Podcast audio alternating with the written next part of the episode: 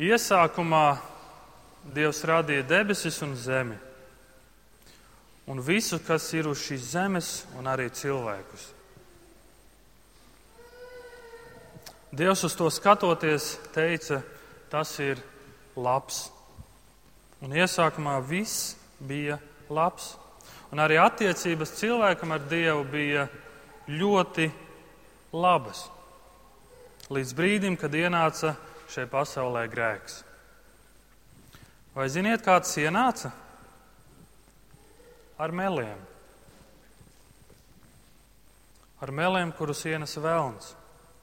Un noticot šiem meliem, attiecības ar Dievu tiek sabojātas. Cilvēks tiek nošķirts no Dieva. Bet Dievs ir tik mīlošs, ka viņam jau ir plāns, un viņš dodas meklēt cilvēku. Un Dievs vēlas šīs attiecības ar cilvēku atjaunot. Vecā darība mums stāsta, ka Dievs sūta savu vārdu caur saviem ļaudīm, kurus sauc par praviešiem. Praviešu uzdevums ir pasludināt vārdus, ko Dievs ir tieši teicis viņiem. Dieva vārdi, Dieva tautai ar praviešu starpniecību. Tāpat arī raksti mums rāda, ka praviešiem neticēja, tos izsmēja, tos nepieņēma, un viņi tautā nebija mīlēti un cienīti. Daudzi tika mocīti, likti cietumā, cietuši Dieva vārdu dēļ. Un visbeidzot, Dievs sūta savu vienīgo dēlu, kā mums to saka Jāņa 3.16. Pats Dievs nāk uz šo zemi, lai cilvēkiem būtu saprotams un lai sevi atklātu veidā, kā tas cilvēkiem ir saprotams. Dievs nāk tādā veidā, lai cilvēks beidzot saprastu Dievu. Bet savējie viņu nepieņēma bet kas viņu uzņēma, tiem viņš deva varu saukties par Dieva bērniem. Jāņa 1.12.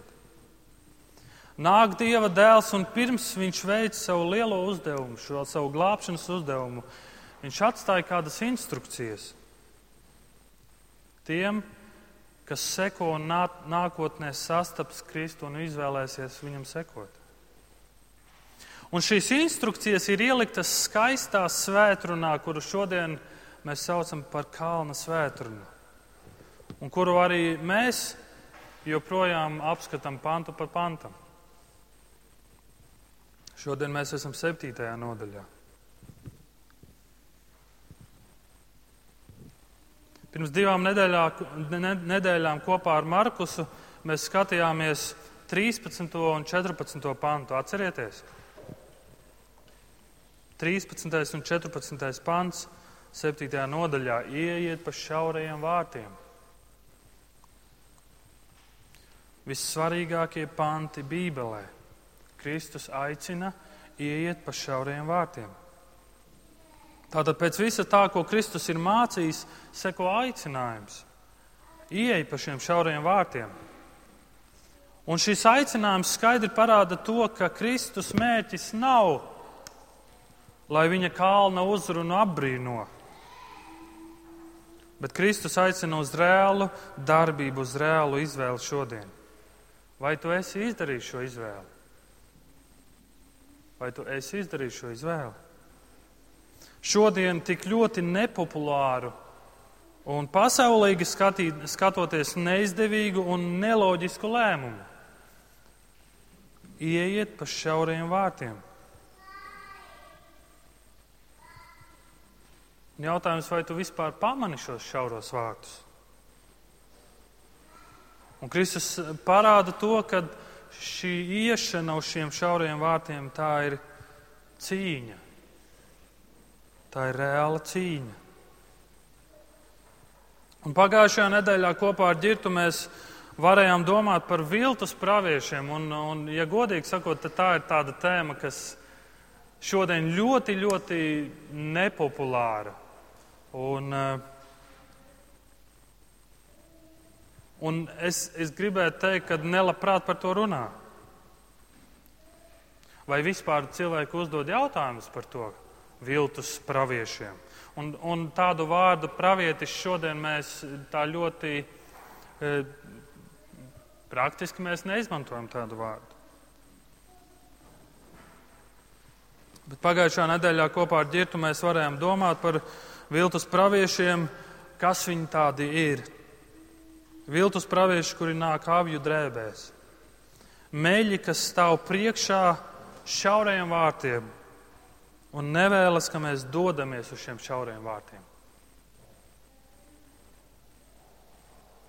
Grēks ienāca pasaulē caur meliem. Tas ir tas, ko Sātans dara vislabāk. Viņš melo. Jāņa 8,44 rakstīts, jūs esat no sava tēva vēlna un jums gribas piepildīt sava tēva kārības. Viņš no paša sākuma ir bijis slepkava un nestāv patiesībā, jo patiesības nav viņā. Mēlus runādams, viņš runā pēc savas dabas, jo viņš ir mēlis un mēlu tēvs. Un tas, ko Vēlns dara šodien, viņš melo. Viņš melo, viņš to dara ļoti labi. Viņš melo caur televīziju, caur radio, caur avīzi, internetu, un visu to viņš dara ar cilvēku starpniecību, kas ir noticējuši viņa meliem, un tos turpina izplatīt. Un es tā domāju, kas ir šodien tie visizplatītākie meli attiecībā par baznīcu? Kas ir tie meli, ko jūs esat dzirdējuši? Uz baznīcu nāk tikai vājie. Jūs esat to dzirdējuši. Baznīca ir tikai vājajiem. Man kādreiz bija saruna ar manu onkuli. Un tad, un tad viņš jautāja, nu, ko tu tajā baznīcā tik ļoti ej, tu esi tik ļoti tur iesaistījies, un tev, tev svētdienas ir aizņemtas. Nu, ko tu tik ļoti tur dari? Un tad es viņam jautāju, jautājumu, bet ko tu domā par baznīcu? Kas tev ir baznīca? Kas tev ir draudze? Un viņš teica, Man šķiet, ka baznīca ir kā opijas tautai. Opijas tā ir narkotika viela. Tā ir kā narkotika tautai. Tie ir vēl viena meli, ko mēs dzirdam. Kaut arī pēdējie, pēdējie pētījumi Amerikas Savienotajās valstīs rāda, ka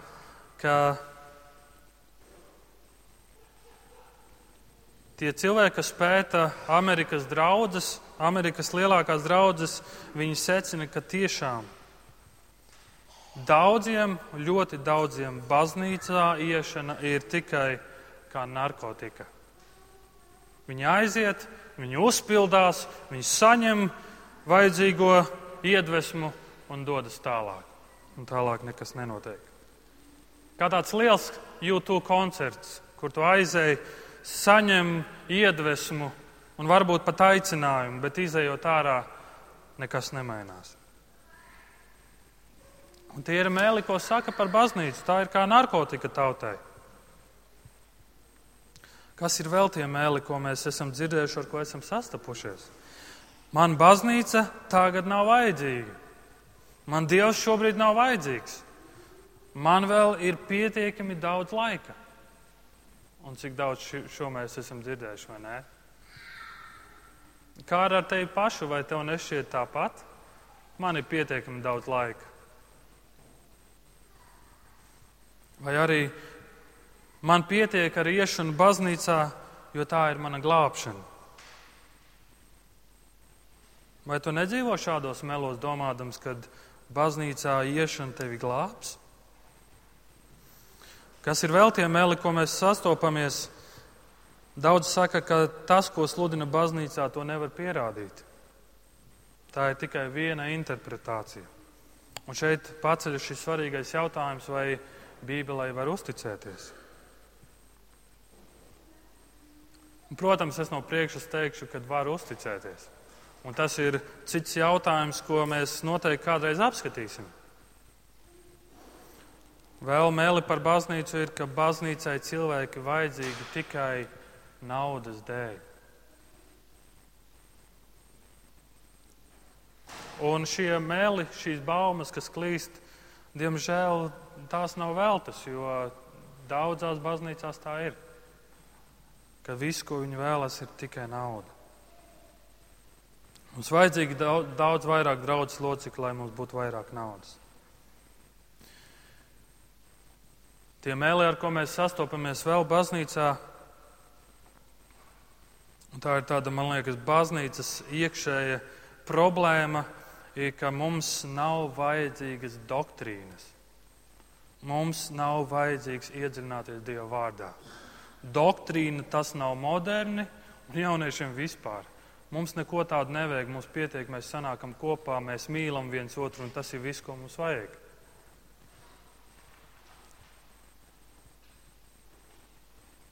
Bet tad, kad tu saproti, lai saprastu, lai iedziļinātos, lai iepazītu vairāk Dievu, bez doktrīnām neiztikt.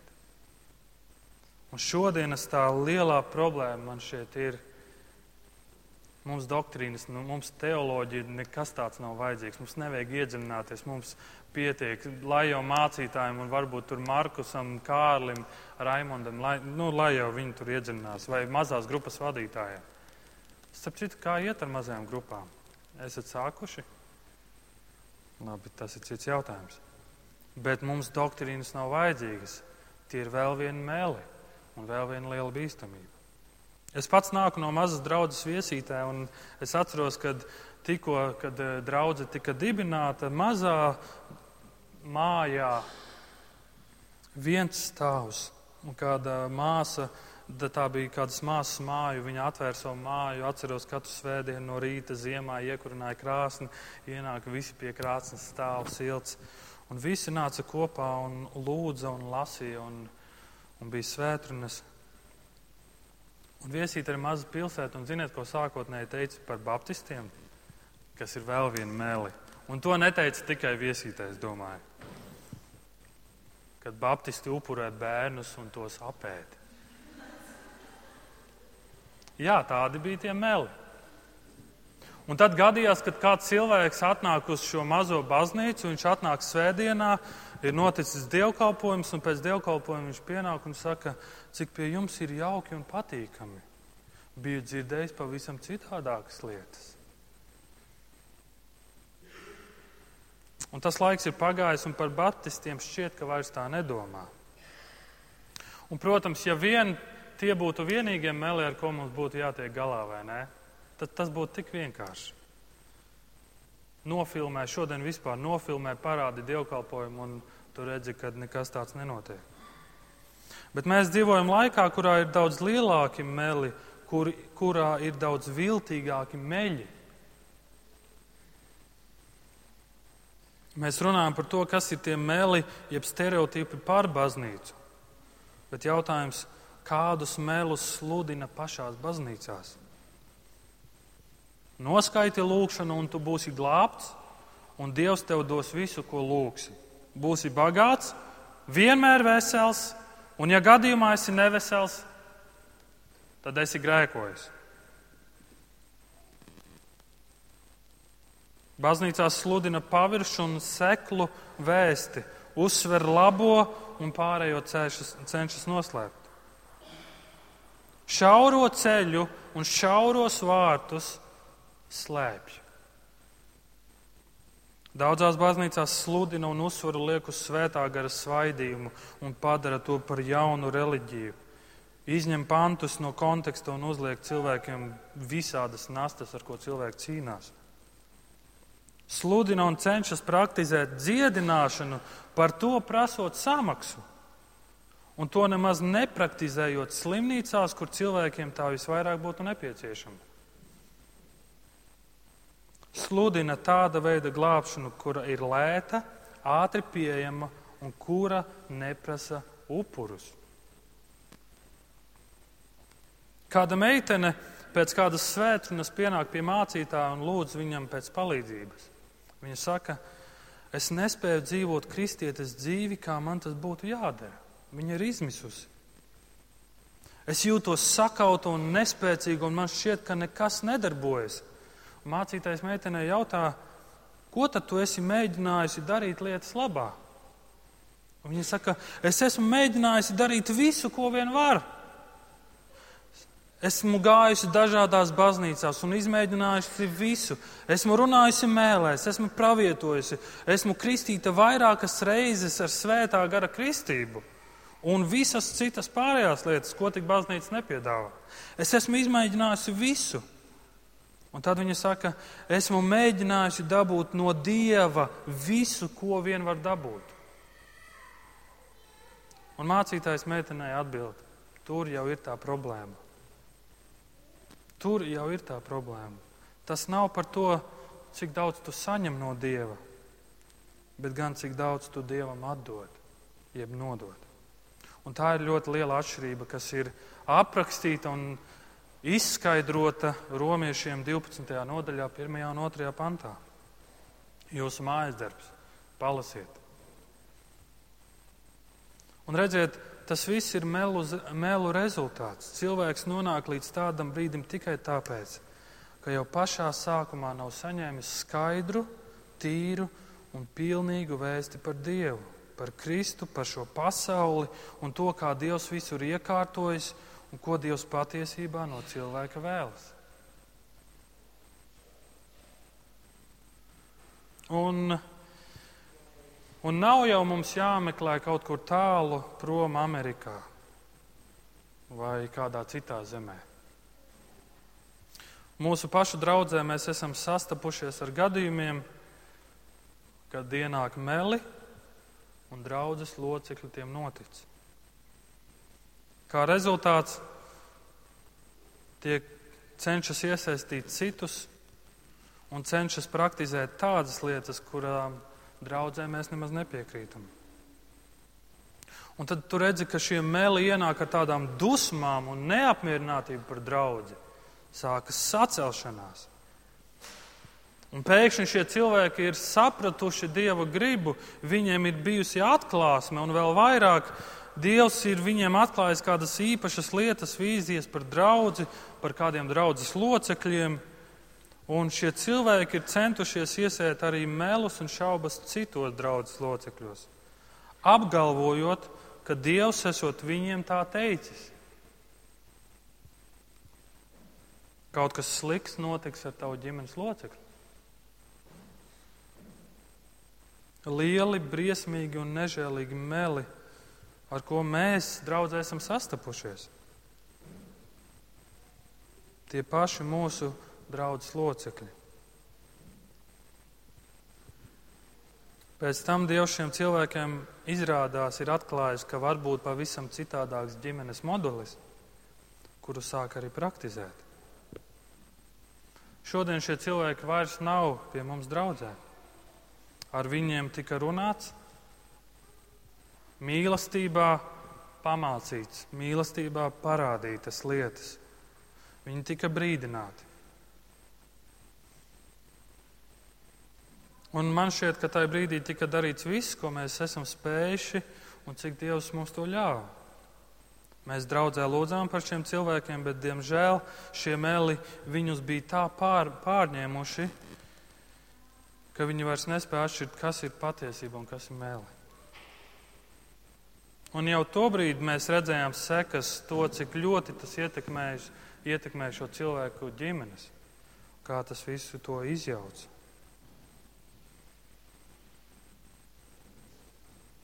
Es nezinu, kur šie cilvēki šodien ir. Bet iespējams viņi turpina šos maldus un melus stāstīt citiem. Tāpat mums draudzē bija situācija ar kādu, ar kādu māsu, jaunu māsu, kura, starp citu, bija iepazinusies ar kādiem cilvēkiem. Un kuri, starp citu, sāka stāstīt kādas lietas, kas bija meli. Es nevaru nosaukt visas šīs lietas detalizēti, bet daži no tiem ir, ja tu vēlies piedzīvot tuvāk Dievu, tad norobežojies no draudzes un draugiem un esi visu laiku medicā, meditācijā ar sevi. Šai meitenei tika iedotas kaut kādas audio kasetes, kur ir runājusi it kā praviete par lietām, ko Dievs viņai ir atklājis. drīz pēc tam tā meitene vairs ne ar vienu nevēlējās kontaktēties un drīz vien pazuda no Latvijas. Kad viņas draudzene uzzināja, kur viņa atrodas, ar mūsu draudzes atbalstu viņa devās uz Kanādu viņu uzmeklēt un cens, censties viņu vest mājās. Bet, diemžēl, tas bija neveiksmīgi. Un, un, un tad, kad tu tā padomā, tu redzi, cik briesmīgi un cik nežēlīgi tas ir, vai ne? Un tāpēc nevelti arī Jēzus saka šos brīdinājumu vārdus: uzmanieties no viltus praviešiem. Tie nāk pie jums avju drēbēs, taču no iekšpuses tie ir plēsīgi vilki. Kāpēc viņš lieto šādu šādu raksturojumu par plēsīgiem vilkiem. Noteikti tie no klausītājiem, kas bija avju gani, noteikti viņi saprata, ko tas nozīmē, jo viņi bija redzējuši, kā tas ir, kad vilks saplos aitu. Un viņi saprata, cik tas ir bīstami, cik tas ir briesmīgi. Un savā draudzē mēs esam redzējuši, kā šie vilki saplosa ģimenes un izārda un sabojā jauniešu dzīves.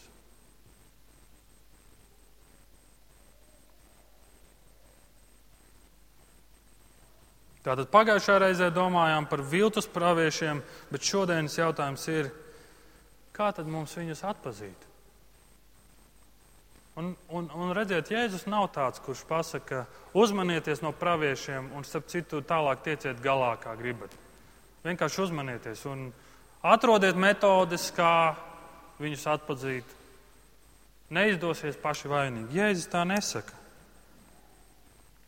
Mateja 7 no 16. pānta sākot. Viņš saka, jūs viņus pazīsiet pēc augļiem. Vai tad kāds lasa vīnogas no ērkšķiem vai vīģes no dažiem? Tā katrs labs koks nes labus augļus, bet nelāks koks nes sliktus augļus. Labs koks nevar nest sliktus augļus, nedz nelāks koks labus. Ikvienu koku, kas nenes labus augļus, nocērt un iemet ugunī. Tātad pēc viņu augļiem jūs tos pazīsiet. Es atceros tās saulainās vasaras, kad es braucu pie savas krustmātes uz laukiem, un tad reizēm viņa man lika, iedeva man trauciņu un teica, Raimond, izēj tur pie tā krūma un nolasi jauņogas vai kādas citas ogas. Un, un joprojām atceros tādas saulainas un skaistas dienas. Un, ziniet, un tad, kad es lasu šos pantus, man ļoti atgādina, es nezinu, kāpēc, krustmāti.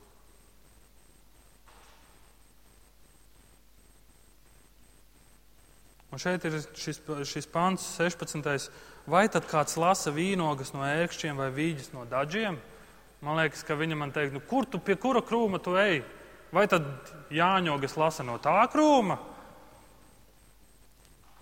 Viņas, tas, ko viņa man gribētu pateikt, nu, loģiski paskaties, kādi ir augļi.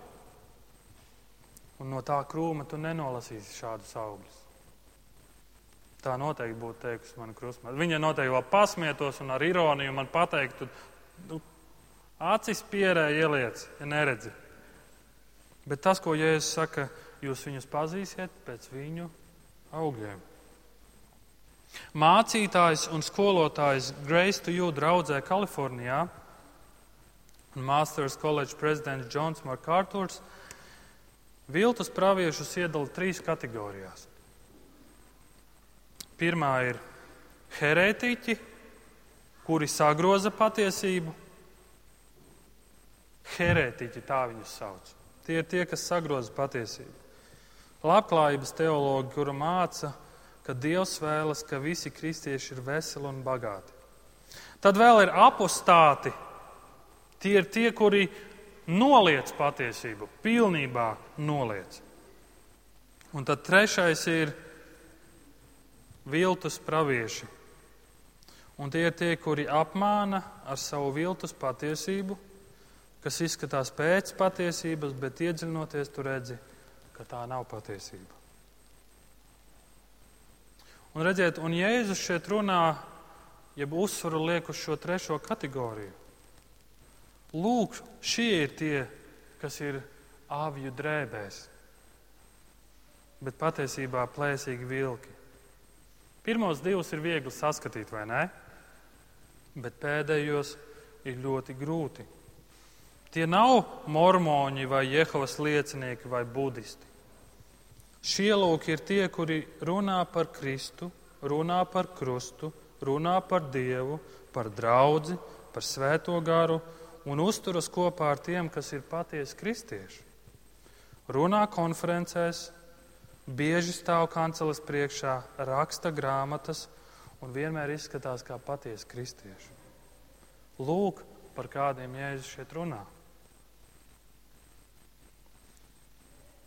2. korintiešiem 11. nodaļa, 14. un 15. pants. Nav jau arī brīnums, jo pats sātans izliekas par gaismas eņģeli. Vai jābrīnās, ka arī viņa kalpi ārēji izliekas par taisnības kalpiem? Kādi viņu darbi, tāds būs iznākums. Kādi viņu darbi, tāds būs iznākums. Jūdas vēstule, pirmā nodaļa, ceturtais pants, nu, tur ir tikai viena nodaļa.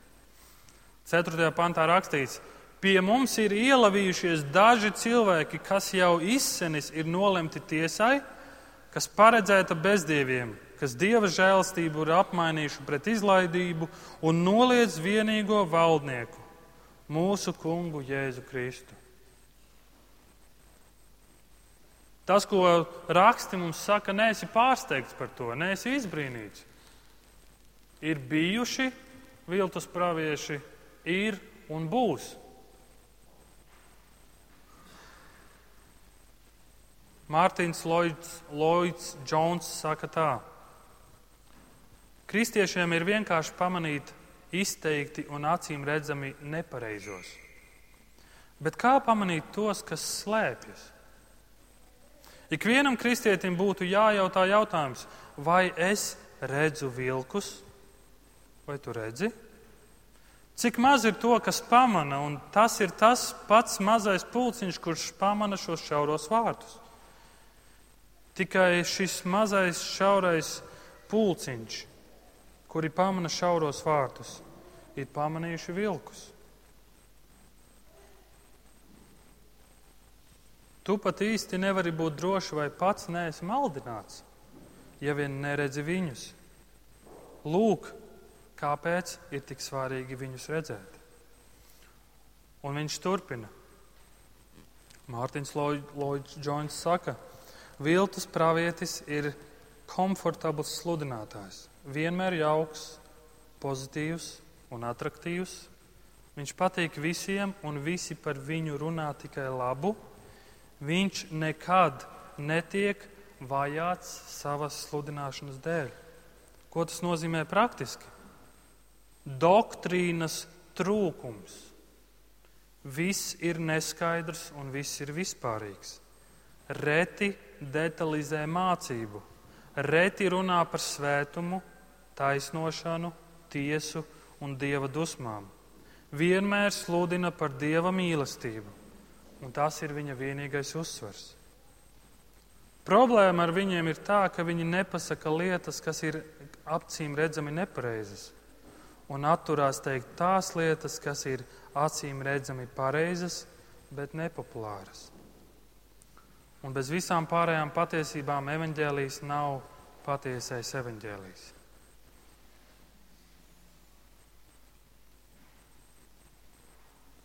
Jēzus mums šodien saka, jūs viņus pazīsiet. Vai Jēzus šeit saka pavēli, vai Jēzus saka, pazīstiet viņus? Nu taču pazīstiet. Bet Jēzus saka, jūs viņus pazīsiet. Viņš saka ar tādu pārliecību. Viņš saka, jūs būsiet pārliecināti. Jūs redzēsiet, jūs zināsiet. Brennans Menings, tāds vīrs, ir sacījis, ja gribi zināt, kam cilvēks, kam cilvēks tic, paskaties, ko tas dara. Ja gribi zināt, kam cilvēks tic, paskaties, ko viņš dara. Cik bieži nav bijis tā, ka mēs par kādu cilvēku galvojam un sakam, Nu, šis jau ir labs, apskaties, kā viņš runā, kādas lietas viņš ir darījis. Un cik spēcīgas uzrunas viņš ir teicis. Un apskaties, kāda teoloģija. Un beigās izrādās, viltnieks vien ir.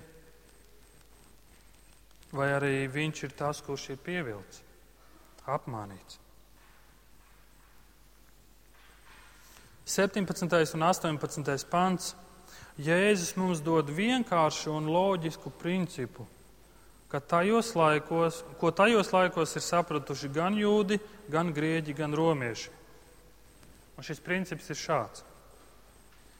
No labiem kokiem iegūst labus augļus, bet no sliktiem sliktus. Loģiski, vai ne? Kurš no jums ir lauksaimnieks vai dārznieks? Tu? Tad jau jūs ziniet. Bet jautājums ir, kas tad ir tas, uz ko man jāskatās, kad skatos uz šiem augļiem? Kas ir tās lietas, uz ko man jāskatās? Man tur saka vienu, tur ģirts sludināja par viltus praviešiem, un tad Raimons gudri norunā priekšā. Bet kas ir tās lietas, uz ko man skatīties? Un gribu minēt četras lietas. Pirmā, skaties uz raksturu. Kāds raksturs ir šim cilvēkam? Kāda personība ir šis cilvēks? Kāda ir attieksme, kāda ir motīvi, kāda ir domāšana un kāds ir skatījums uz dzīvi? Kādas aktivitātes tas veids un, dzīvi, un kādu dzīvesveidu tas dzīvo? Visas šīs rakstura iezīmes iekļauj visu, sākot no domām līdz darbiem. Lūkas evanģēlijas 3. nodaļa, 18. līdz, 8. līdz 14. pants. Ja jūs pierakstiet, es vēlreiz pateikšu šo raksturiet. Lūkas 3, 8 līdz 14. Tad nu nesiet cienīgus atgriešanās augļus un nesāciet atkal viens otram teikt, mums Ābrahāms ir tēvs. Es jums saku, Dievs spēja no šiem akmeņiem rādīt, radīt Ābrahāma bērnus. Cirvis jau pielikts kokiem pie saknes. Katrs koks, kas nenes labus augļus, tiek nocirsts un iemests ugunī. Ļaudis viņam jautāja, ko lai mēs darām? Un viņš tiem atbildēja, kam divi svārki, lai dot tam, kam nav, un kam ir ko ēst, lai dara tāpat. Arī muitnieki nāca, lai tiktu kristīti, un tie viņam jautāja, skolotāji, ko lai mēs darām? Tiem viņš sacīja, neņemiet vairāk, kā jums noteikts. Arī kareivji viņu uzjautāja, un mēs, ko lai mēs darām? Un viņš sacīja tiem, neizspiediet naudu un neapsūdziet nepatiesi, bet esiet mierā ar savu algu. Lūk, ir atbilde, kas ir patiesi atgriešanās augļi. Ja tu redzi, ka kādam trūkst, dod. Nesi negodīgs, nesi mankārīgs. Un, un šīs visas lietas, pirms tam mēs jau esam apskatījuši, ko Jēzus saka. Jāņa 15, Jāņa evanģēlijas 15. nodaļa 8. pants. Un mans tēvs ar to tiks pagodināts, ka jūs nesīsiet daudz augļu un kļūsiet mani mācekļi. Un pēc tam tālāk seko, kā Tēvs man ir mīlējis, arī es jūs esmu mīlējis. Palieciet manā mīlestībā. Ja jūs turēsiet manus baušļus, kas notiks? Jūs paliksiet manā mīlestībā. Ja jūs turēsiet manus augļus, jūs redziet, šis auglis ir arī paklausība. Un tad, kad tu redzi uz šo, lūkojas uz cilvēku, uz viņa raksturu, uz viņu dzīvi, tu noteikti redzēsi paklausību. Auglis nav tikai darbība, tā ir arī attieksme. Galatiešiem 5. nodaļā mēs visi noteikti zinām, tie, kas lasa Bībeli, lasa rakstus, noteikti zina, kas ir rakstīts, bet gara auglis ir mīlestība, miers, prieks, izturība, krietnums, labestība, uzticamība, lēnprātība, savaldība. Efeziešiem 5. nodaļā šis auglis tiek saukts par gaismas augli. Un tā ir Dieva gaisma, kas tavā sirdī veido šo pareizo attieksmi. Tātad pirmā lieta ir skaties uz raksturu. Otrā lieta - skaties, skaties uz viņu ticību. Skaties uzmanīgi, ko viņi māca, klausies uzmanīgi, ko viņi māca. Seko līdzi. Paņem līdzi Bībeli vienmēr svētdienā uz vīlandi, seko līdzi, klausies.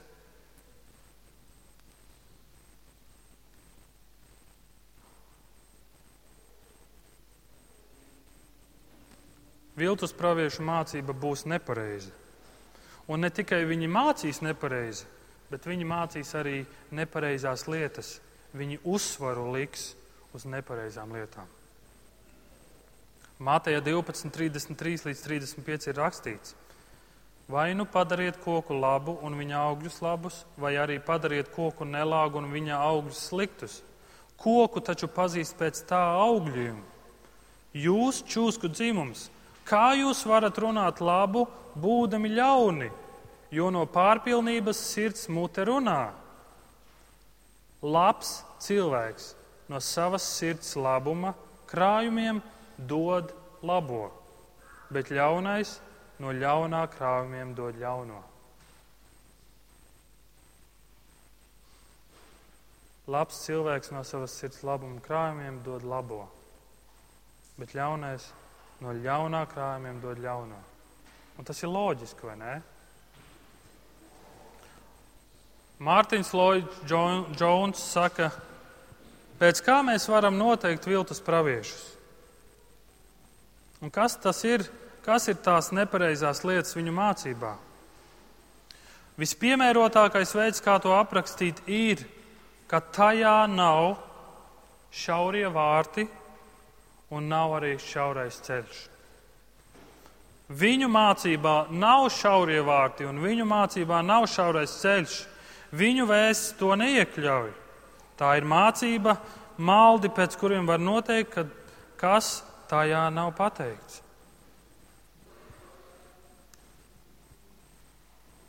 Trešā lieta, uz ko tad mums jāskatās? Skaties uz viņu sekotājiem. Skaties uz viņu sekotājiem. Gribi uzzināt kaut ko par vadītāju, tad lūkojas uz viņu sekotājiem. Kādi ir viņa sekotāji? Ko viņi sludina, ko viņi māca?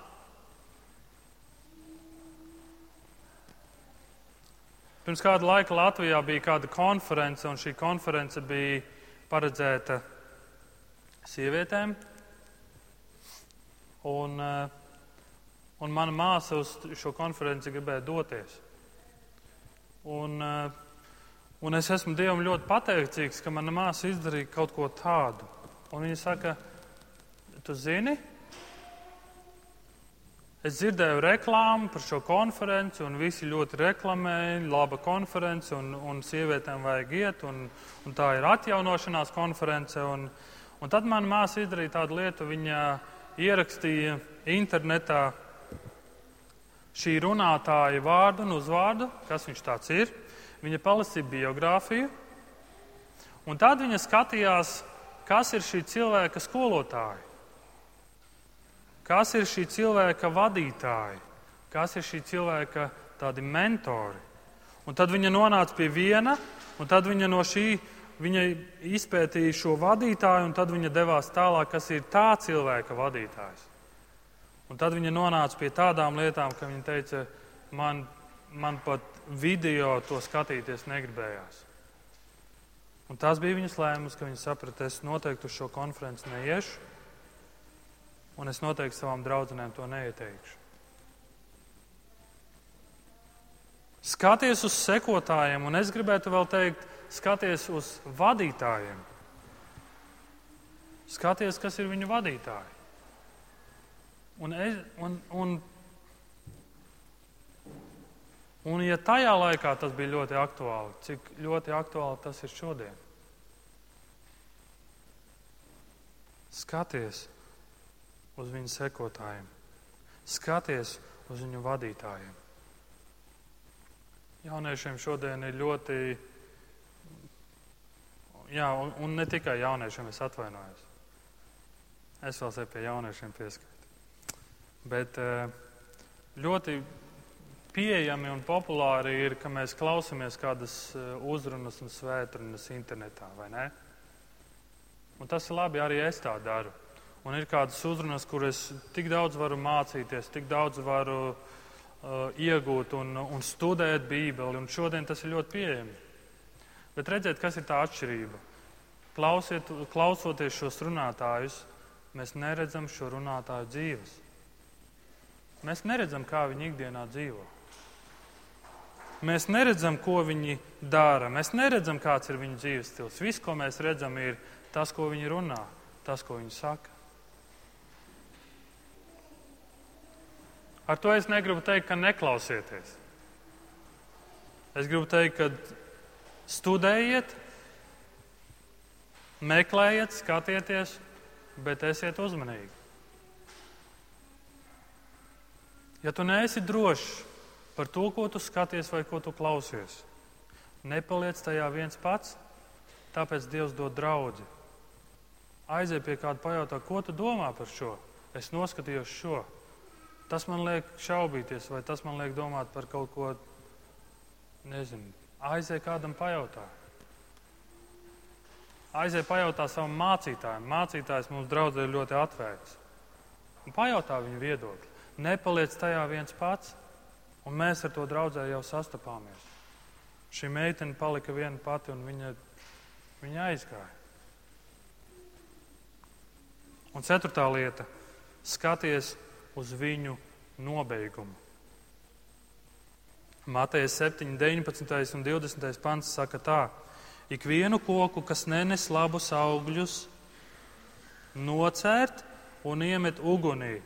Tātad pēc viņu augļiem jūs tos pazīsiet. Pāvils Timotejam ļoti daudz saka un piekodina. Viņš saka, vēro savus vadītājus vēro viņu dzīves, skaties, kādi ir viņu augļi, un tos augļus tu noteikti redzēsi. Noteikti redzēsi, agri vai vēl tu redzēsi.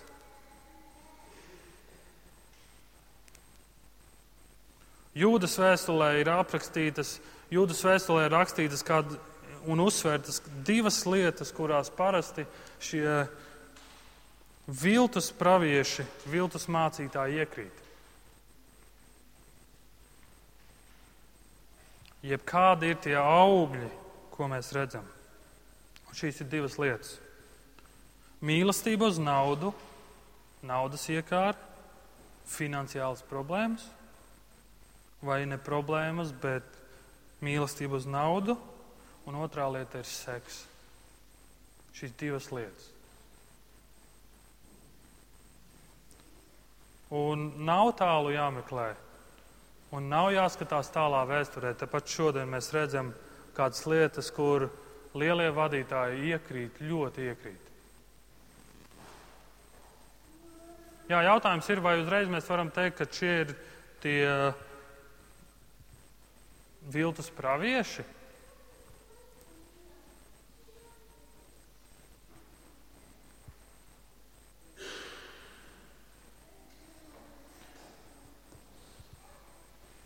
Ir tā, ka iespējams viņi neapzinās, ka viņi ir viltus pravieši. Ir tādi, kuri neapzinās, kuri ir apmānīti, un ir tādi, kuri apzinās un kuri turpina melus izklāstīt ļoti atklātā un mērķiecīgā veidā. Ir daudzi viltus pravieši, kuri paši ir apmānīti, kuri paši nesaprot, ko viņi dara, joprojām turpina, kuri paši dzīvo maldos un melos mēģina paši kaut ko būvēt un celt. Bet pēc viņu augļiem mums būs pateikt. Un, ja es saku, jūs zināsiet, skaties viņu augļus, skaties, kā viņi atrisina problēmas. Vai viņi atrisina tās? Kas ir tas veids, kā viņi to dara? Vai viņi dara to tādā veidā, kā Kristus to parāda? Un Es zinu, ka daudziem no jums iespējams šī, šī tēma vai šī, šī tēma vispār varbūt nav aktuāla. Bet skatoties uz mūsu draugu dzīvi, man liekas, tā jābūt ļoti aktuālai. Kāpēc? Mums ir jābūt uzmanīgiem, mums ir jābūt nomodā par to, ko mēs mācām. Mums ir jābūt nomodā par to, ko mēs lasām, ko mēs uzņemam, jo tas, ko mēs uzņemam, tas mūs arī veido. Kas ir tas, ko tu visbiežāk ikdienā uzņem? Pajautā to sev. Kas ir tas, kur tu visvairāk veltīji savu laiku? Tas būs tas, kas tevi veidos, kas veidos tavus uzskatus, kas veidos tavu dzīvi, kas veidos tavu pārliecību. Un nedod Dievs, ja tie ir šie lielie meli, ka tu sāc pēkšņi visus raut līdzi un stāstīt citiem melus.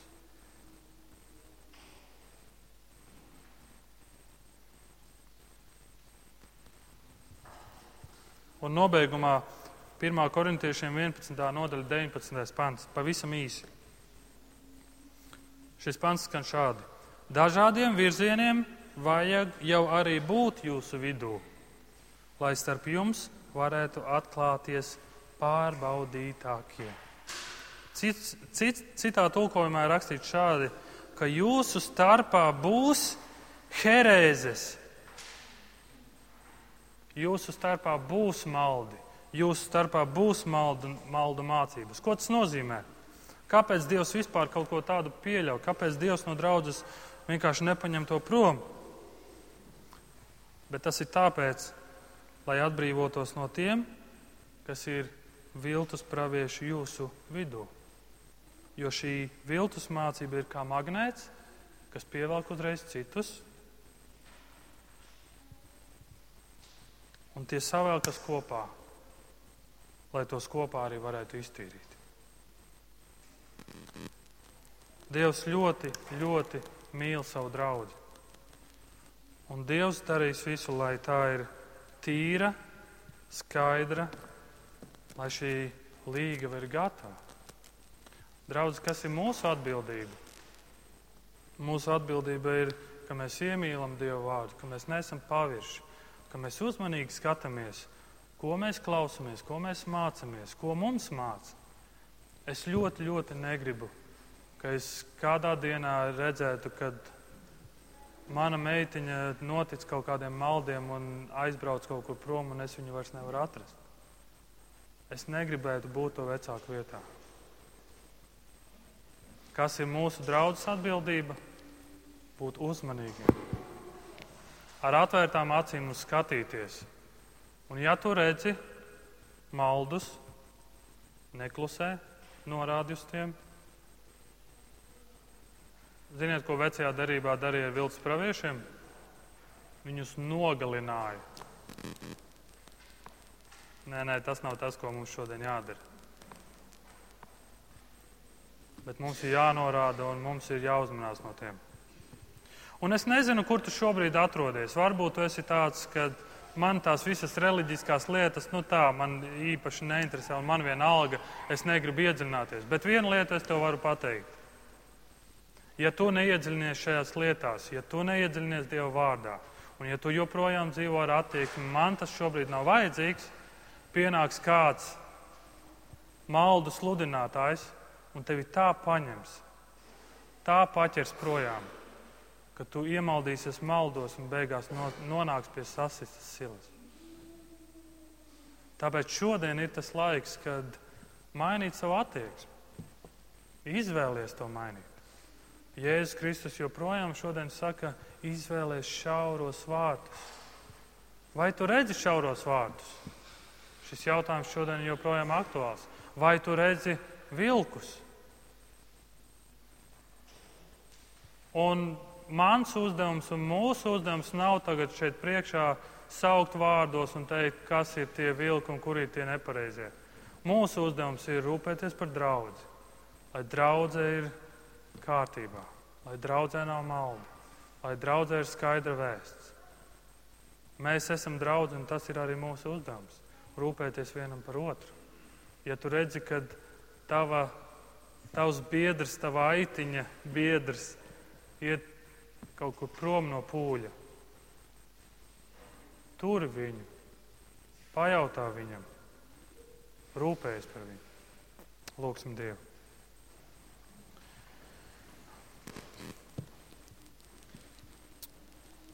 Debes Tēvs, es pateicos par Tavu vārdu šodien, un tas vārds ir tik, tik nopietns. Un, uh, Jā, Tēvs, es lūdzu, ka Tu sargā mūsu draugu. Es lūdzu par Latvijas draugiem, es lūdzu par mācītājiem, es lūdzu par Teviem kalpiem. Un es ļoti lūdzu, ka Tu sargā viņus savu vārdu patiesībā. Ka Tu sargā no šiem viltīgajiem vilkiem, kas staigā apkārt un mēģina kādu notvert un saplosīt. Paldies, ka Tu esi mūsu sargs bet palīdz mums no savas puses darīt to visu iespējamo, ko mēs spējam darīt, lai pasargātu sevi un pasargātu sev apkārtējos. Dievs, mums vajadzīga tava žēlstība, tava vadība, tavs iedrošinājums. Palīdz mums saprast tavu vārdu vēl vairāk. Un palīdz, ka mēs esam tie, kas tavam aicinājumam atsaucamies praktiski un ka mēs gribam iet pa šo šauro ceļu, uz šiem šauriem vārtiem. Pa šo šauro ceļu, uz šiem šauriem vārtiem. Paldies, Jēzu, ka tu mums to rādi. Paldies, Tev, Jēzu, par to. Āmen.